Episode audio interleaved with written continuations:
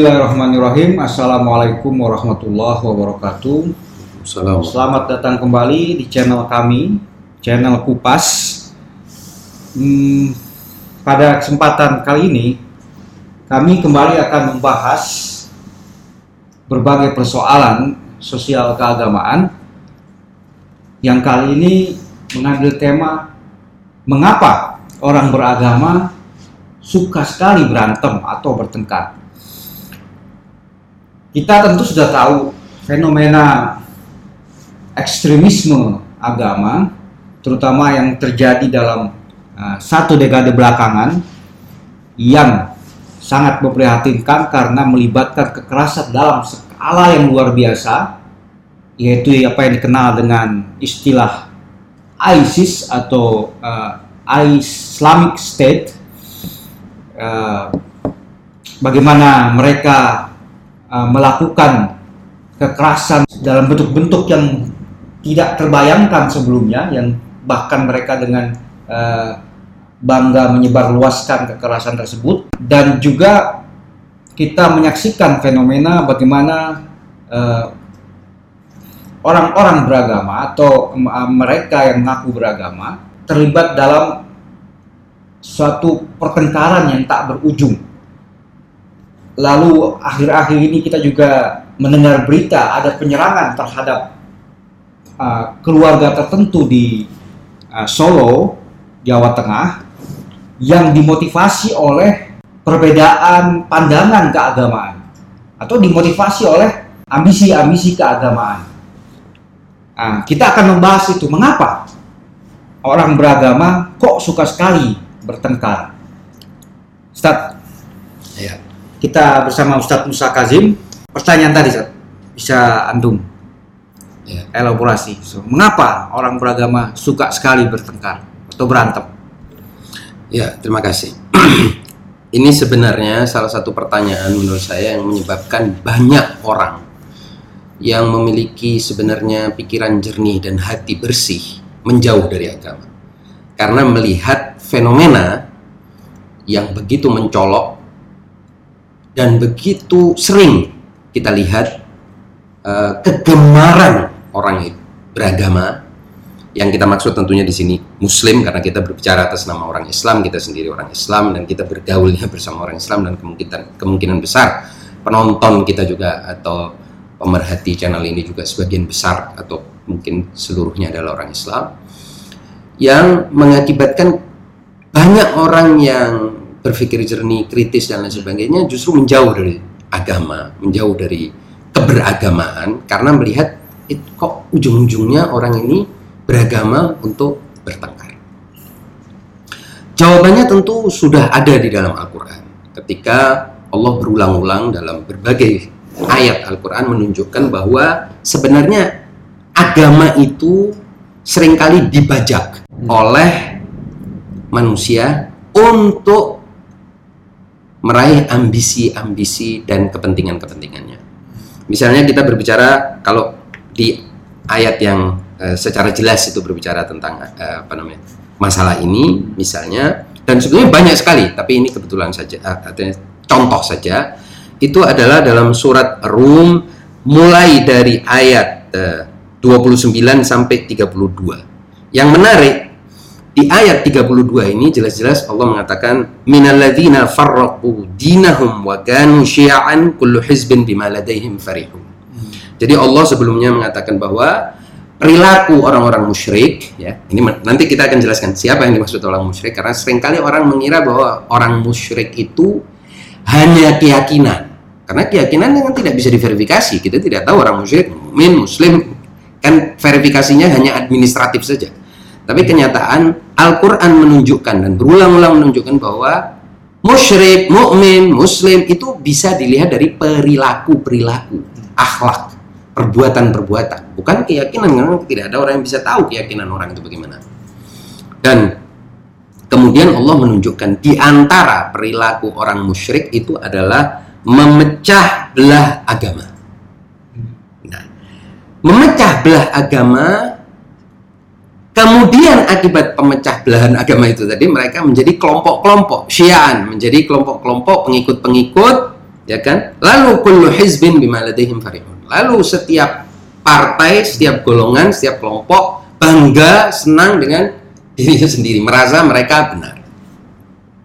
Nah, yang menarik di ayat sebelumnya, ya kan? Ayat 27 itu Allah menyatakan tentang bahwa uh, dialah yang memulai penciptaan. Jadi penciptaan ini Allah yang memulai. Artinya Allah mengingatkan bahwa kalau ada agama yang ujungnya bukan Allah, itu agama yang berarti agama yang pemecah belahan. Lalu Allah mengingatkan setelah menyatakan bahwa dialah yang menciptakan seluruh makhluk, dia mengingatkan uh, untuk kita fa'aqim wajhaka ini dalam ayat 30 ya, surat Ar-Rum lagi. Ini kita masih di surat Ar-Rum. Allah mengatakan fa'aqim wajhaka lid-dini hanifa, maka tegakkanlah wajahmu artinya fokuslah, konsentrasikan ur, apa, ya, keseluruhan dirimu untuk Allah ya kan? Wajah din ya, untuk agama itu hanifan agama yang lurus. Hmm. apa itu? Fitratullahi allati fataran nasa 'alaiha. Nah jadi agama yang lurus itu sebetulnya adalah fitrah yang Allah telah menciptakan semua manusia di atasnya kan ini artinya sebuah man sebuah deklarasi dari Allah bahwa seluruh manusia itu sebenarnya memiliki kesamaan, memiliki kesatuan, yaitu fitrah yang ada di dalam dirinya. Dan kalau terpecah belah, pasti karena terpecah belahannya dan konfliknya dan berantemnya itu karena mereka tidak menuju kepada tujuan yang sama yaitu Allah Subhanahu wa taala. Jadi ketika tujuannya bukan Allah dan itulah maksud dari syirik, ketika tujuannya bukan Allah, berarti dia akan konflik dan konfliknya tidak akan selesai. Ini uh, apa namanya yang bisa kita pahami dari uh, Al-Qur'an. Lalu juga ada uh, surah lain misalnya dalam surah Az-Zumar misalnya ayat 3. Allah juga mengatakan ala lillahi dinul khalis. Artinya hanya untuk Allah lah agama yang murni itu. Artinya kalau agama ini untuk Allah dia menjadi murni. Dia tidak lagi dikustomisasi untuk kepentingan kelompok tertentu untuk meraih agenda-agenda kelompok tertentu itu. Nah, apa akibatnya kalau sudah mulai berkelompok-kelompok? Akibatnya kelompok satu harus mengalahkan kelompok yang lain, mendominasi kelompok yang lain. Dan untuk menciptakan dominasi, menciptakan konsolidasi internal di satu sisi dan dominasi, agresi eksternal kepada kelompok yang lain, dia harus mengatakan bahwa kelompok adalah kelompok dialah yang paling benar. Kelompok dialah yang dapat mandat dari Allah. Kelompok dialah yang paling uh, dekat dengan Allah. Dan kelompok dialah yang harus mengalahkan yang lain. Dari mana ini? Nabi aja tidak begitu Al-Quran aja tidak menyuruh orang untuk mengalahkan yang lain Al-Quran aja bahkan memberi kebebasan la ikrah fiddin kita sering baca ayat itu tidak ada paksaan dalam agama artinya kan Allah ingin mengatakan bahwa kalau bicara agama yang untuk Allah kategori kriteria paling utama adalah ketulusan dan tidak mungkin ada ketulusan tanpa kerelaan. Dan tidak mungkin ada kerelaan tanpa kebebasan. Tanpa kemerdekaan. Dari mana orang bisa rela kalau dia tidak merdeka? Dan dari mana orang bisa tulus kalau dia tidak rela? Ini kesinambungan yang Allah jaga dalam keseluruhan ayat-ayat apa namanya Al-Qur'an dan juga dalam pengajaran Nabi. Kita bisa lihat hal seperti itu. Nah, pengikutnya ini menjadikan agama justru sebagai sarana kekuasaan. Nah, itulah yang kita sering dengar dengan politisasi agama, ya. atau ideologisasi agama, atau juga komersialisasi agama, karena tujuannya kan bisa jadi kekuasaan dalam hal misalnya politik, maka terjadilah politisasi agama, atau kekayaan material, yaitu namanya komersialisasi agama, atau sering juga disebut sebagai komodifikasi agama, agama sebagai komoditas dagangan dan lain sebagainya yang intinya adalah agama diperkuda, diperalat untuk kepentingan-kepentingan pribadinya. Dan ketika itu terjadi, berantem ini nggak nggak akan selesai. Set, uh, menyimak penjelasan antum tentang surah Ar-Rum ayat 29 sampai 32, yeah. uh, bahwa uh, ada pemecah belahan agama yang tadi uh, disebut sebagai fitrah yeah. Allah itu menjadi kelompok-kelompok. Yeah. Lalu uh, setiap-tiap kelompok itu bangga dengan kelompok-kelompok tersebut. Yeah. Apa ini yang disebut dengan pembajakan agama tadi? Persis, ini kan kebanggaan kan, ini. kebanggaan terhadap suatu tafsir dia, pandangan dia tentang agama yang sebenarnya bukan agama yang utuh pasti, bukan ad-dinul khalis. Karena kan sudah disebutkan tadi dalam surat uh, Az-Zumar ayat 3, ad-dinul khalis, agama yang murni pasti tidak menimbulkan konflik. Tapi kalau sudah dikustomisasi untuk kepentingan kelompoknya, maka agama itu sudah menjadi. Partai politik, bukan lagi agama. Karena dia mau mengatakan bahwa kelompokku yang harus menang kelompok yang lain harus kalah. Ini kita bicara tentang yang mana pun, pakai label yang mana pun, ya tanpa terkecuali. Jangan dikira nanti kalau labelnya ini murni, Nah, label apa saja bisa dipakai. Label yang paling suci pun bisa dipakai untuk memecah belah. Kalau misalnya kita dalam uh, pemahaman madhab ahlul bait, misalnya Imam Husain itu kan uh, perjuangannya suci, hmm. ya beliau syahid, keluarganya syahid, uh, apa namanya saudara-saudaranya eh, kerabatnya syahid, sahabat-sahabat setianya syahid di sebuah tujuan, tetapi label Imam Husain bisa dipakai. Buktinya Bani Abbas menggunakan kesucian itu tadi untuk menggerek uh, benderanya dan berkuasa. Imperium Abbasiyah. Imperium Abbasiyah itu berkuasa dengan label ini, dengan bendera ini dan membunuh lebih banyak dari kalangan ahlul bait daripada Bani Umayyah.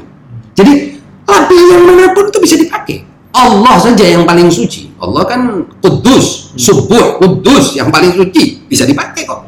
Hmm. Jadi tidak tidak ada yang haram bagi orang-orang ini. Nah, kenapa? Karena tadi itu mereka telah menyekutukan Allah. Jadi tidak ada lagi ya, tidak ada lagi yang tunggal, tidak ada lagi tujuan bersama karena Harusnya kan seluruh manusia, seluruh makhluk ini kan tujuannya Allah. Innalillahi wa inna ilaihi. Dan ini tuh tadi disebutkan fitrat Allah. Orang ini kan semuanya mau menuju kepada Allah. Jangan kamu dong yang memonopoli jalan menuju Allah. Kenapa harus memonopoli jalan menuju Allah? Kenapa harus kamu yang membawahi orang lain menuju kepada Allah? Nabi aja tidak begitu. Gitu. Nah, bagaimana sebenarnya bentuk-bentuk kebanggaan yang uh, berpotensi menjadi uh, pembajakan uh, hmm. agama. Bukankah orang wajar saja kalau misalkan dia bangga dengan keyakinannya misalkan. Yeah. Ini persepsi umum kan wajar dong misalkan saya berpakaian yang menunjukkan uh, bahwa saya ada di agama atau menganut agama tertentu atau menganut mazhab tertentu atau menganut ideologi tertentu. Kan ada busana-busana tertentu yang menunjukkan kita ingin menunjuk pada orang, hmm. oh saya ini ini, yeah. saya dari ideologi ini, saya dari mazhab ini. Bukankah itu suatu yang wajar? Lalu bagaimana bisa memicu pertengkaran tadi? Kebanggaan itu wajar ketika dia tidak bermakna penghinaan pada yang lain. Hmm. Bangga dalam pengertian syukur, hmm. berterima kasih kepada karunia Allah, keren tapi kalau bangga dalam pengertian mau menjatuhkan yang lain, jadi kan ada istilahnya eh, apa namanya meningkatkan mutu diri untuk menjatuhkan yang lain, sejak saat itu dia telah masuk dalam kelompok iblis. Hmm. Karena kita harus ingat, iblis juga pada waktu Allah menciptakan Adam itu adalah hamba Allah yang sangat taat sama Allah. Cuman dia mau ketaatan, prestasi, posisi dia sebagai hamba yang paling dekat dengan Allah ini dimonopoli. Dan dia mau cara hubungan dia dia dengan Allah itu adalah cara hubungan yang uh, hotline, tidak boleh ada lagi yang uh, dekat dengan Allah selain dia. Ketika Allah menyuruh dia untuk sujud kepada Adam, oh ini pukulan berat Ketika itu apa? Bahkan Allah pun dia lawan. Padahal jadi sebenarnya iblis ini representasi hamba yang sangat taat awalnya. Memang representasi hamba yang sangat taat dan bahkan dalam riwayat disebutkan bahwa para malaikat pun irilah dalam pengertian iri positif gitu ya. Wah, kok bisa ya? Karena dia menjadi orang-orang yang eh, menjadi makhluk yang dekat dengan Allah. Cuman muncul keinginan bahwa saya harus memonopoli, memonopoli ya. jalan menuju Allah ini. Akses dengan Allah ini harus saya semata-mata. Pada saat itulah dia jatuh ke kepada makhluk yang paling terkutuk. Ada kebanggaan, keangkuhan, Nah. kebanggaan ekstrim, keangkuhan. Jadi kebanggaan ini kan eh, kullu hizbin bima ladaihim farihun ya. Kalau sudah farhan, bangga, senang bahwa saya yang paling hebat pada saat itu jatuh dia posisi apa? Dia bukan lagi hamba Allah.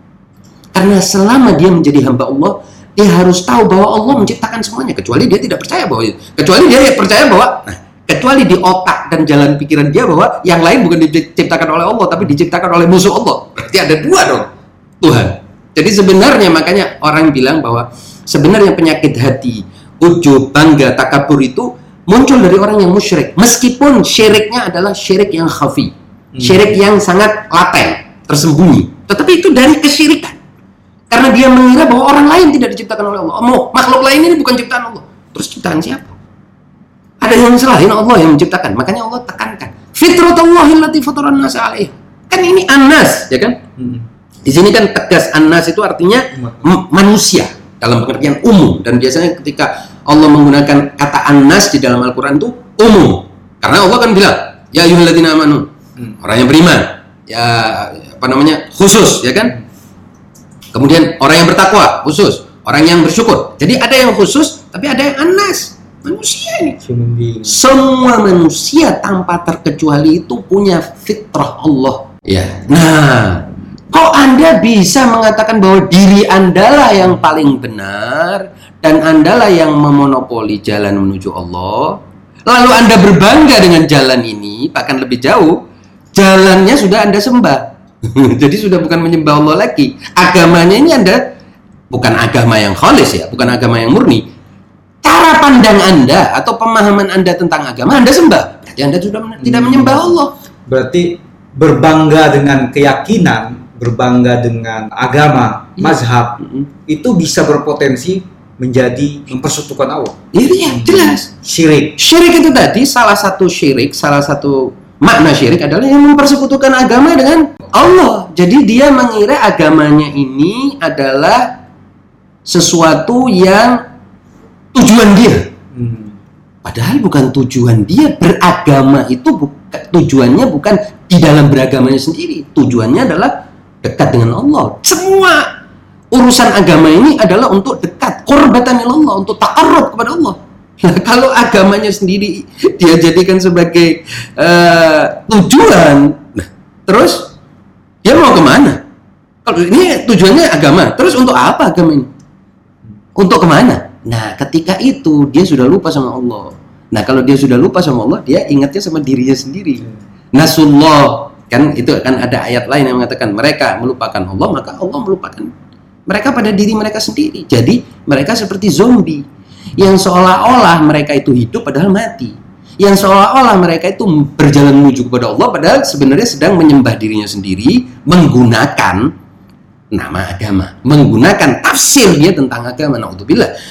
Ini sebenarnya yang mengakibatkan tidak akan pernah agama itu membawa kedamaian. Kalau pemahaman terhadap agama seperti ini. Jadi pemahaman agama yang eksklusif dan menganggap orang di luar pemahaman dan kelompok dia dan cara berpikir dia adalah musuh agama. Lebih parah lagi musuh Allah. Lebih parah lagi bukan makhluk Allah. Bahkan mak- untuk menjadi makhluk Allah aja tidak diberi peluang. Lantas orang seperti ini nih tidak bisa diharapkan kecuali apa? Dia sebenarnya hanya akan menimbulkan kekacauan seperti iblis. Kan gitu? Ya. Yang menarik juga dari ayat tadi adalah uh, fitrah Allah itu adalah ad-dinul qayyim. Ya, Agama yang benar, agama yang lurus. lurus. Ya. Nah, ini menarik bahwa uh, Allah mendefinisi, mendefinisikan agama itu Hmm. lebih ke dalam. Sementara di uh, fenomena uh, dunia ini atau fenomena kehidupan ini, itu kita tak bisa menghindari adanya banyak agama, banyak pandangan keyakinan. Mhm. Itu bagaimana melihat itu? Padahal kan kalau kita lihat ayat ini sebenarnya agama itu satu, Ya. fitrah Allah itu, fitrah manusia itu. ya. Dan ini menarik sebenarnya ayat ini kalau kita lihat kata perintahnya fa'atim wajhaka.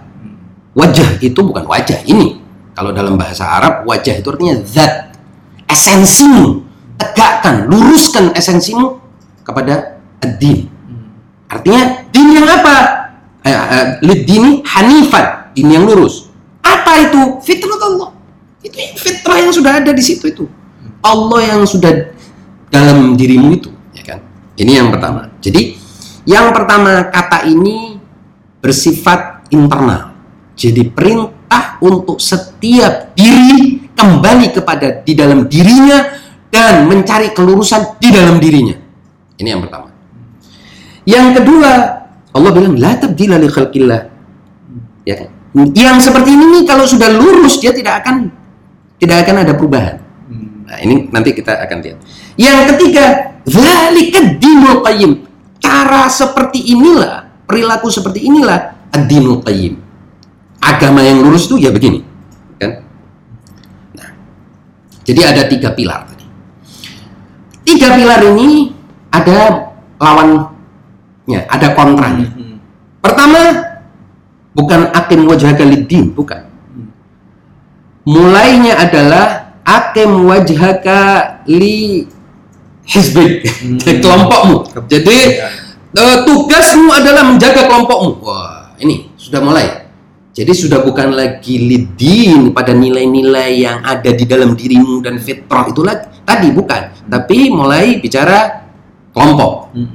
Apakah kelompok itu namanya dulu mungkin Mulai suku? bicara identitas. ya identitas. Apakah Label. label eh, apakah itu suku? Apakah itu berdasarkan pada geografi tertentu? Apakah berdasarkan pada ciri-ciri tertentu? Pakai ini pakai itu ya kan? Dan sebagainya. Yang kedua adalah sudah tidak lagi fitratullah. Mulai yang rumusan-rumusan eh, asumtif tadi tafsir-tafsir ya. Pandangan-pandangan dia rakyu-rakyu dia pandangan dia tentang eh, agama, bukan lagi fitrah. Kalau fitrah kan setiap orang punya itu. Dasar itu kan ada di dalam dirinya. Kalau dia kembali ke dalam dirinya ada. Ada Allah di dalam jiwa setiap manusia. Ini oh, kata Allah. Ada Allah di dalam jiwa setiap insan. Tapi dia mencarinya keluar. Jadi mengamati yang ada di luar. Nah, ket- pilar ketiga dari musuh ini adalah mulai melihat yang di luar Hmm. kelompok saya bukan kelompok dia. Ciri-ciri fisik saya beda dengan ciri-ciri fisik dia. Cara bicara saya beda dengan cara bicara dia. Cara berpikir saya beda dengan cara berpikir dia. Perbuatan saya berbeda dengan perbuatannya. Kosakatanya juga beda. Kosa katanya berbeda, perilakunya berbeda. Maka oleh sebab itu saya harus mengalahkan dia. Hmm. Mulai timbul konflik. Ketika itu Hmm. timbul persoalan, timbul berantem. Kenapa? Karena saya saya dong yang harusnya punya akses apa namanya kepada Allah yang paling dekat. Nah, dari situ muncul berbagai penyakit yang lain, yaitu bahwa dia merasa bahwa kalau dia bisa memenangkan yang lain, berarti dia dekat dengan Allah. Ini pandangan musyrik lagi ke orang kafir itu semua mengira bahwa kalau dia ini kaya, dia dapat kehormatan dari Allah. Kalau miskin, dia mendapatkan eh, penghinaan dari Allah. Kalau dia bisa memenangkan yang lain, berarti saya ini didukung sama Allah. Siapa bilang begitu? Kalau begitu berarti Rasulullah nggak pernah kalah dong dalam peperangan. Kenapa Rasulullah terusir dari Mekah? Jadi dia ingin mengatakan kalau dia bersama Allah itu persis kalau anda misalnya lihat film serial Viking gitu kan. Jadi dari zaman itu semua pertarungan itu atas nama Tuhan. Viking atas nama Tuhan-Tuhan pagan dia. Eh, ketika itu kelompok eh, orang-orang Inggris. Iya, Inggris dan kerajaan Eropa pada umumnya yang menghadapi serangan Viking juga atas nama Tuhan-Tuhannya. Nah, artinya apa? Mulailah Tuhan dibawa untuk ambisi-ambisi politik, kekuasaan, mempertahankan kelompoknya, dirinya, tanahnya dan lain sebagainya. Nah, ketika itu Allah itu bukan sesembahan lagi, Allah itu alat. Hmm. Ya, bukan bukan sesembahan dong. Karena bagaimana dia memperalat Allah untuk kemenangan dirinya. Baik untuk memotivasi dirinya melawan pihak lain maupun memotivasi orang sekitarnya untuk melawan kelompok lain. Dengan membawa nama Allah Subhanahu wa taala. Kan begitu? Karena eksternalisasi yang terjadi bukan internalisasi. Hmm. Objektifikasi yang terjadi bukan subjektifikasi. Kalau subjektifikasi apa? Aku hamba Allah, dia hamba Allah, semua hamba Hmm. Allah, semua makhluk Allah. Oke, masing-masing jalan dengan caranya sendiri-sendiri dan Allah memberikan akses kepada semua manusia dengan caranya masing-masing untuk menuju kepada Allah. Hmm. Bahkan pernyataan inna lillah wa inna ilaihi itu kan kolektif, semua Ya. orang untuk Allah. Semua kita untuk Allah. Berarti apa dong? Mau menyalakan ayat ini bahwa bilang enggak inna lillah itu kami saja, bukan ini Allah sendiri bilang tanpa batas. Gitu. Hmm. Jadi uh, bagaimana uh, saran antum Hmm. untuk menghindari uh, saran antum dalam beragama, sikap-sikap beragama untuk menghindari terjadinya konflik atau friksi Ya. dalam kehidupan? Saya kira yang paling utama adalah meyakini setiap insan yang beragama itu bahwa jalan dia menuju Allah itu adalah jalan dia menuju Allah. Dan jalan itu ada pada semua manusia sebagaimana yang dikatakan oleh Allah. Satu itu. Kedua, dia tidak harus memaksa orang sesuai dengan jalannya, dengan cara berpikirnya. Karena itu jelas bertentangan dengan apa yang Allah katakan. Tidak ada paksaan dalam agama. Karena setiap manusia ini beda-beda. Tidak ada dua manusia yang Setiap sama. manusia punya potensi tadi, fitrah ya. Bukan potensi itu, aktualitas. Fitrah itu aktual. Hanya saja kadang redup Hmm. karena ter eh, kalahkan oleh hawa nafsu, emosi, ambisi, Kebanggaan keinginan, kebanggaan, macam-macam. Ya. Fitrah itu tadi terdesak ke dalam ya, terkubur oleh ambisi-ambisi, keinginan-keinginan, syahwat dan kebencian dan permusuhan dan lain ketakutan, ancaman dan lain sebagainya sehingga dia terkubur fitrahnya. Fitrah ini bukan lagi potensi, sebetulnya dia ada. La tabdila li khalqillah dan Allah tidak akan mencabut fitrah ini. Hanya saja untuk memperkuat fitrah itu dia harus mengalami internalisasi dulu. Dia harus melihat ke dalam dirinya sebagai makhluk yang sama dengan yang lain, manusia yang sama dengan yang lain, punya fitrah yang sama dengan fitrah yang lain. Kalau tidak, dia menganggap orang lain adalah musuh dia, alien. Nah, semua orang ketika melihat yang lain itu alien, dia akan apa? Marah. Dia akan takut atau dia ingin mengalahkan. Ya. Padahal Allah sudah men- mengatakan dalam ayat lain, ya kan? Eh, dan Allah berulang-ulang itu min nafsin wahidah. Kenapa? Allah mengatakan menciptakan kalian dari jiwa yang satu, Hmm. dari satu jiwa. Untuk apa itu? Sebenarnya untuk mencegah manusia melihat manusia yang lain itu alien, makhluk Hmm. eh, jadi-jadian atau asing. Sedemikian sehingga dia mau mengalahkan yang lain Karena takut. karena takut karena eh, ya tidak Terancam. ingin terancam dan dia tidak ingin yang alien itu tadi mengalahkan cara hidup dia karena dia merasa dia yang asli. Itu yang Seperti- palsu. Seperti halnya iblis terancam oleh eksistensi Adam. Ya. persis. Nah jadi kita kembali kepada narasi awal itu tadi. Sebenarnya kisah iblis itu bisa terjadi kepada siapa saja manusia. Karena Allah kan sudah bilang syayatinal insi wal jin. Kan gitu. Qul birabbin nas juga menunjukkan bahwa minal jinnati wan nas. Jadi setan kan yang disebutkan dalam Al-Qur'an iblis itu kan dari jin, dari api. Ya kan jin dari api. Minal jinnati wan nas. Berarti setan itu bisa dari jin dan dari manusia. Gitu ya. Nah, watak. Jadi jin apa maaf, syaitan itu watak. Hmm. Watak yang menganggap yang lain rendah, yang lain salah, yang lain ini hina, yang lain ini asing, yang lain ini palsu, atau sekarang sering disebut sesat, yang lain ini kafir, bukan dari golongan saya. Oleh sebab itu mari kita perangi. Dan dia merasa punya kebanggaan, merasa dia bersama bersama Allah. Nah, ternyata Allah juga telah menghinakan orang-orang ini sepanjang sejarah. Kalah, hina, tapi dia akan bilang, "Enggak, ini ujian." Sudah hina, kalah, miskin, terbelakang, terpuruk. Enggak, ini ujian dari Allah.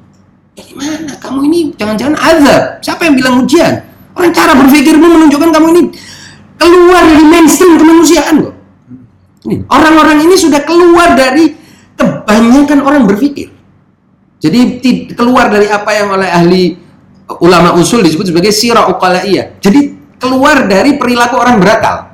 Orang berakal tidak mau mengalahkan yang lain, menjatuhkan yang lain. Orang berakal itu bagaimana mencari jembatan dengan yang lain, siapa pun yang lain itu.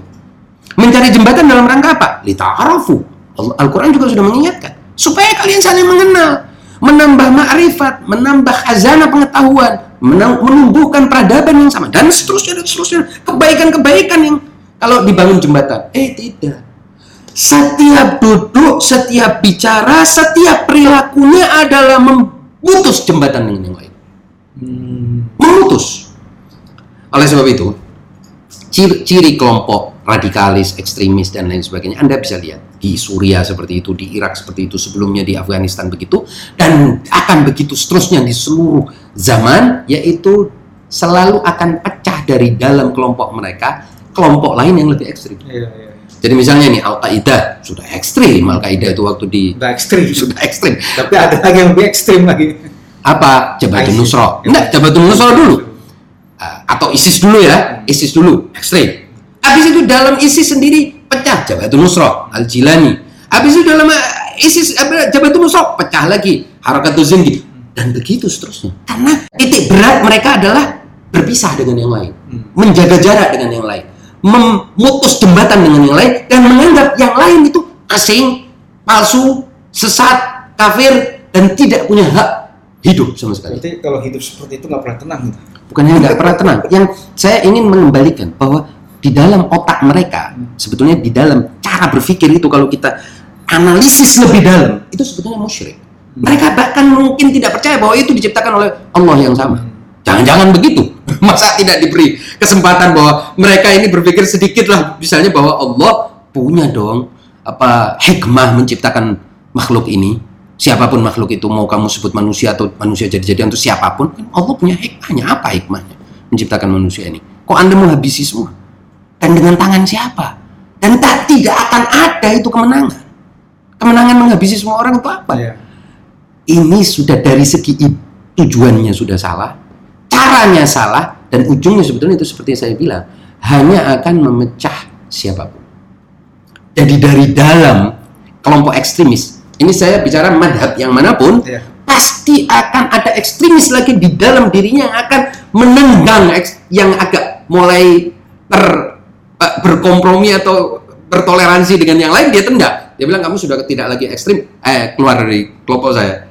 Karena dia tidak punya toleransi, gitu kan? Wah sudah eh, kurang ekstrim ini harus dibuang, harus diekstremisasi lagi. Nah, itu saya kira itu yang akan terjadi. Makasih Zat Ya. atas penjelasannya. Uh, para pemirsa sekalian, uh, demikian pembahasan kami tentang uh, mengapa orang beragama kok suka berantem. Jadi seperti yang sudah dijelaskan oleh Ustadz Musa Kazim, bahwa agama yang lurus itu adalah fitrah yang ditanamkan oleh Allah Subhanahu wa taala dalam diri setiap insan, dalam diri setiap manusia. Nah, persoalannya ketika manusia menciptakan atau memecah belah fitrah ini menjadi uh, kelompok-kelompok, partai-partai, golongan-golongan, aliran-aliran dan kemudian berbangga-bangga dengan kelompok masing-masing dengan identitas kelompok masing-masing untuk tadi menaklukkan kelompok yang lain. Padahal kita semua ini adalah berasal dari asal yang sama min nafsin wahidah tapi selalu eh, mereka selalu ingin menaklukkan menundukkan. Nah, itulah terjadi apa yang disebut oleh Ustaz sebagai pembajakan agama atau bahkan mempersekutukan Allah. Ya. demikian eh, para pemirsa sekalian pembahasan kami. Kurang lebihnya kami mohon maaf. Wal hidayah. Wassalamualaikum warahmatullahi wabarakatuh. Waalaikumsalam.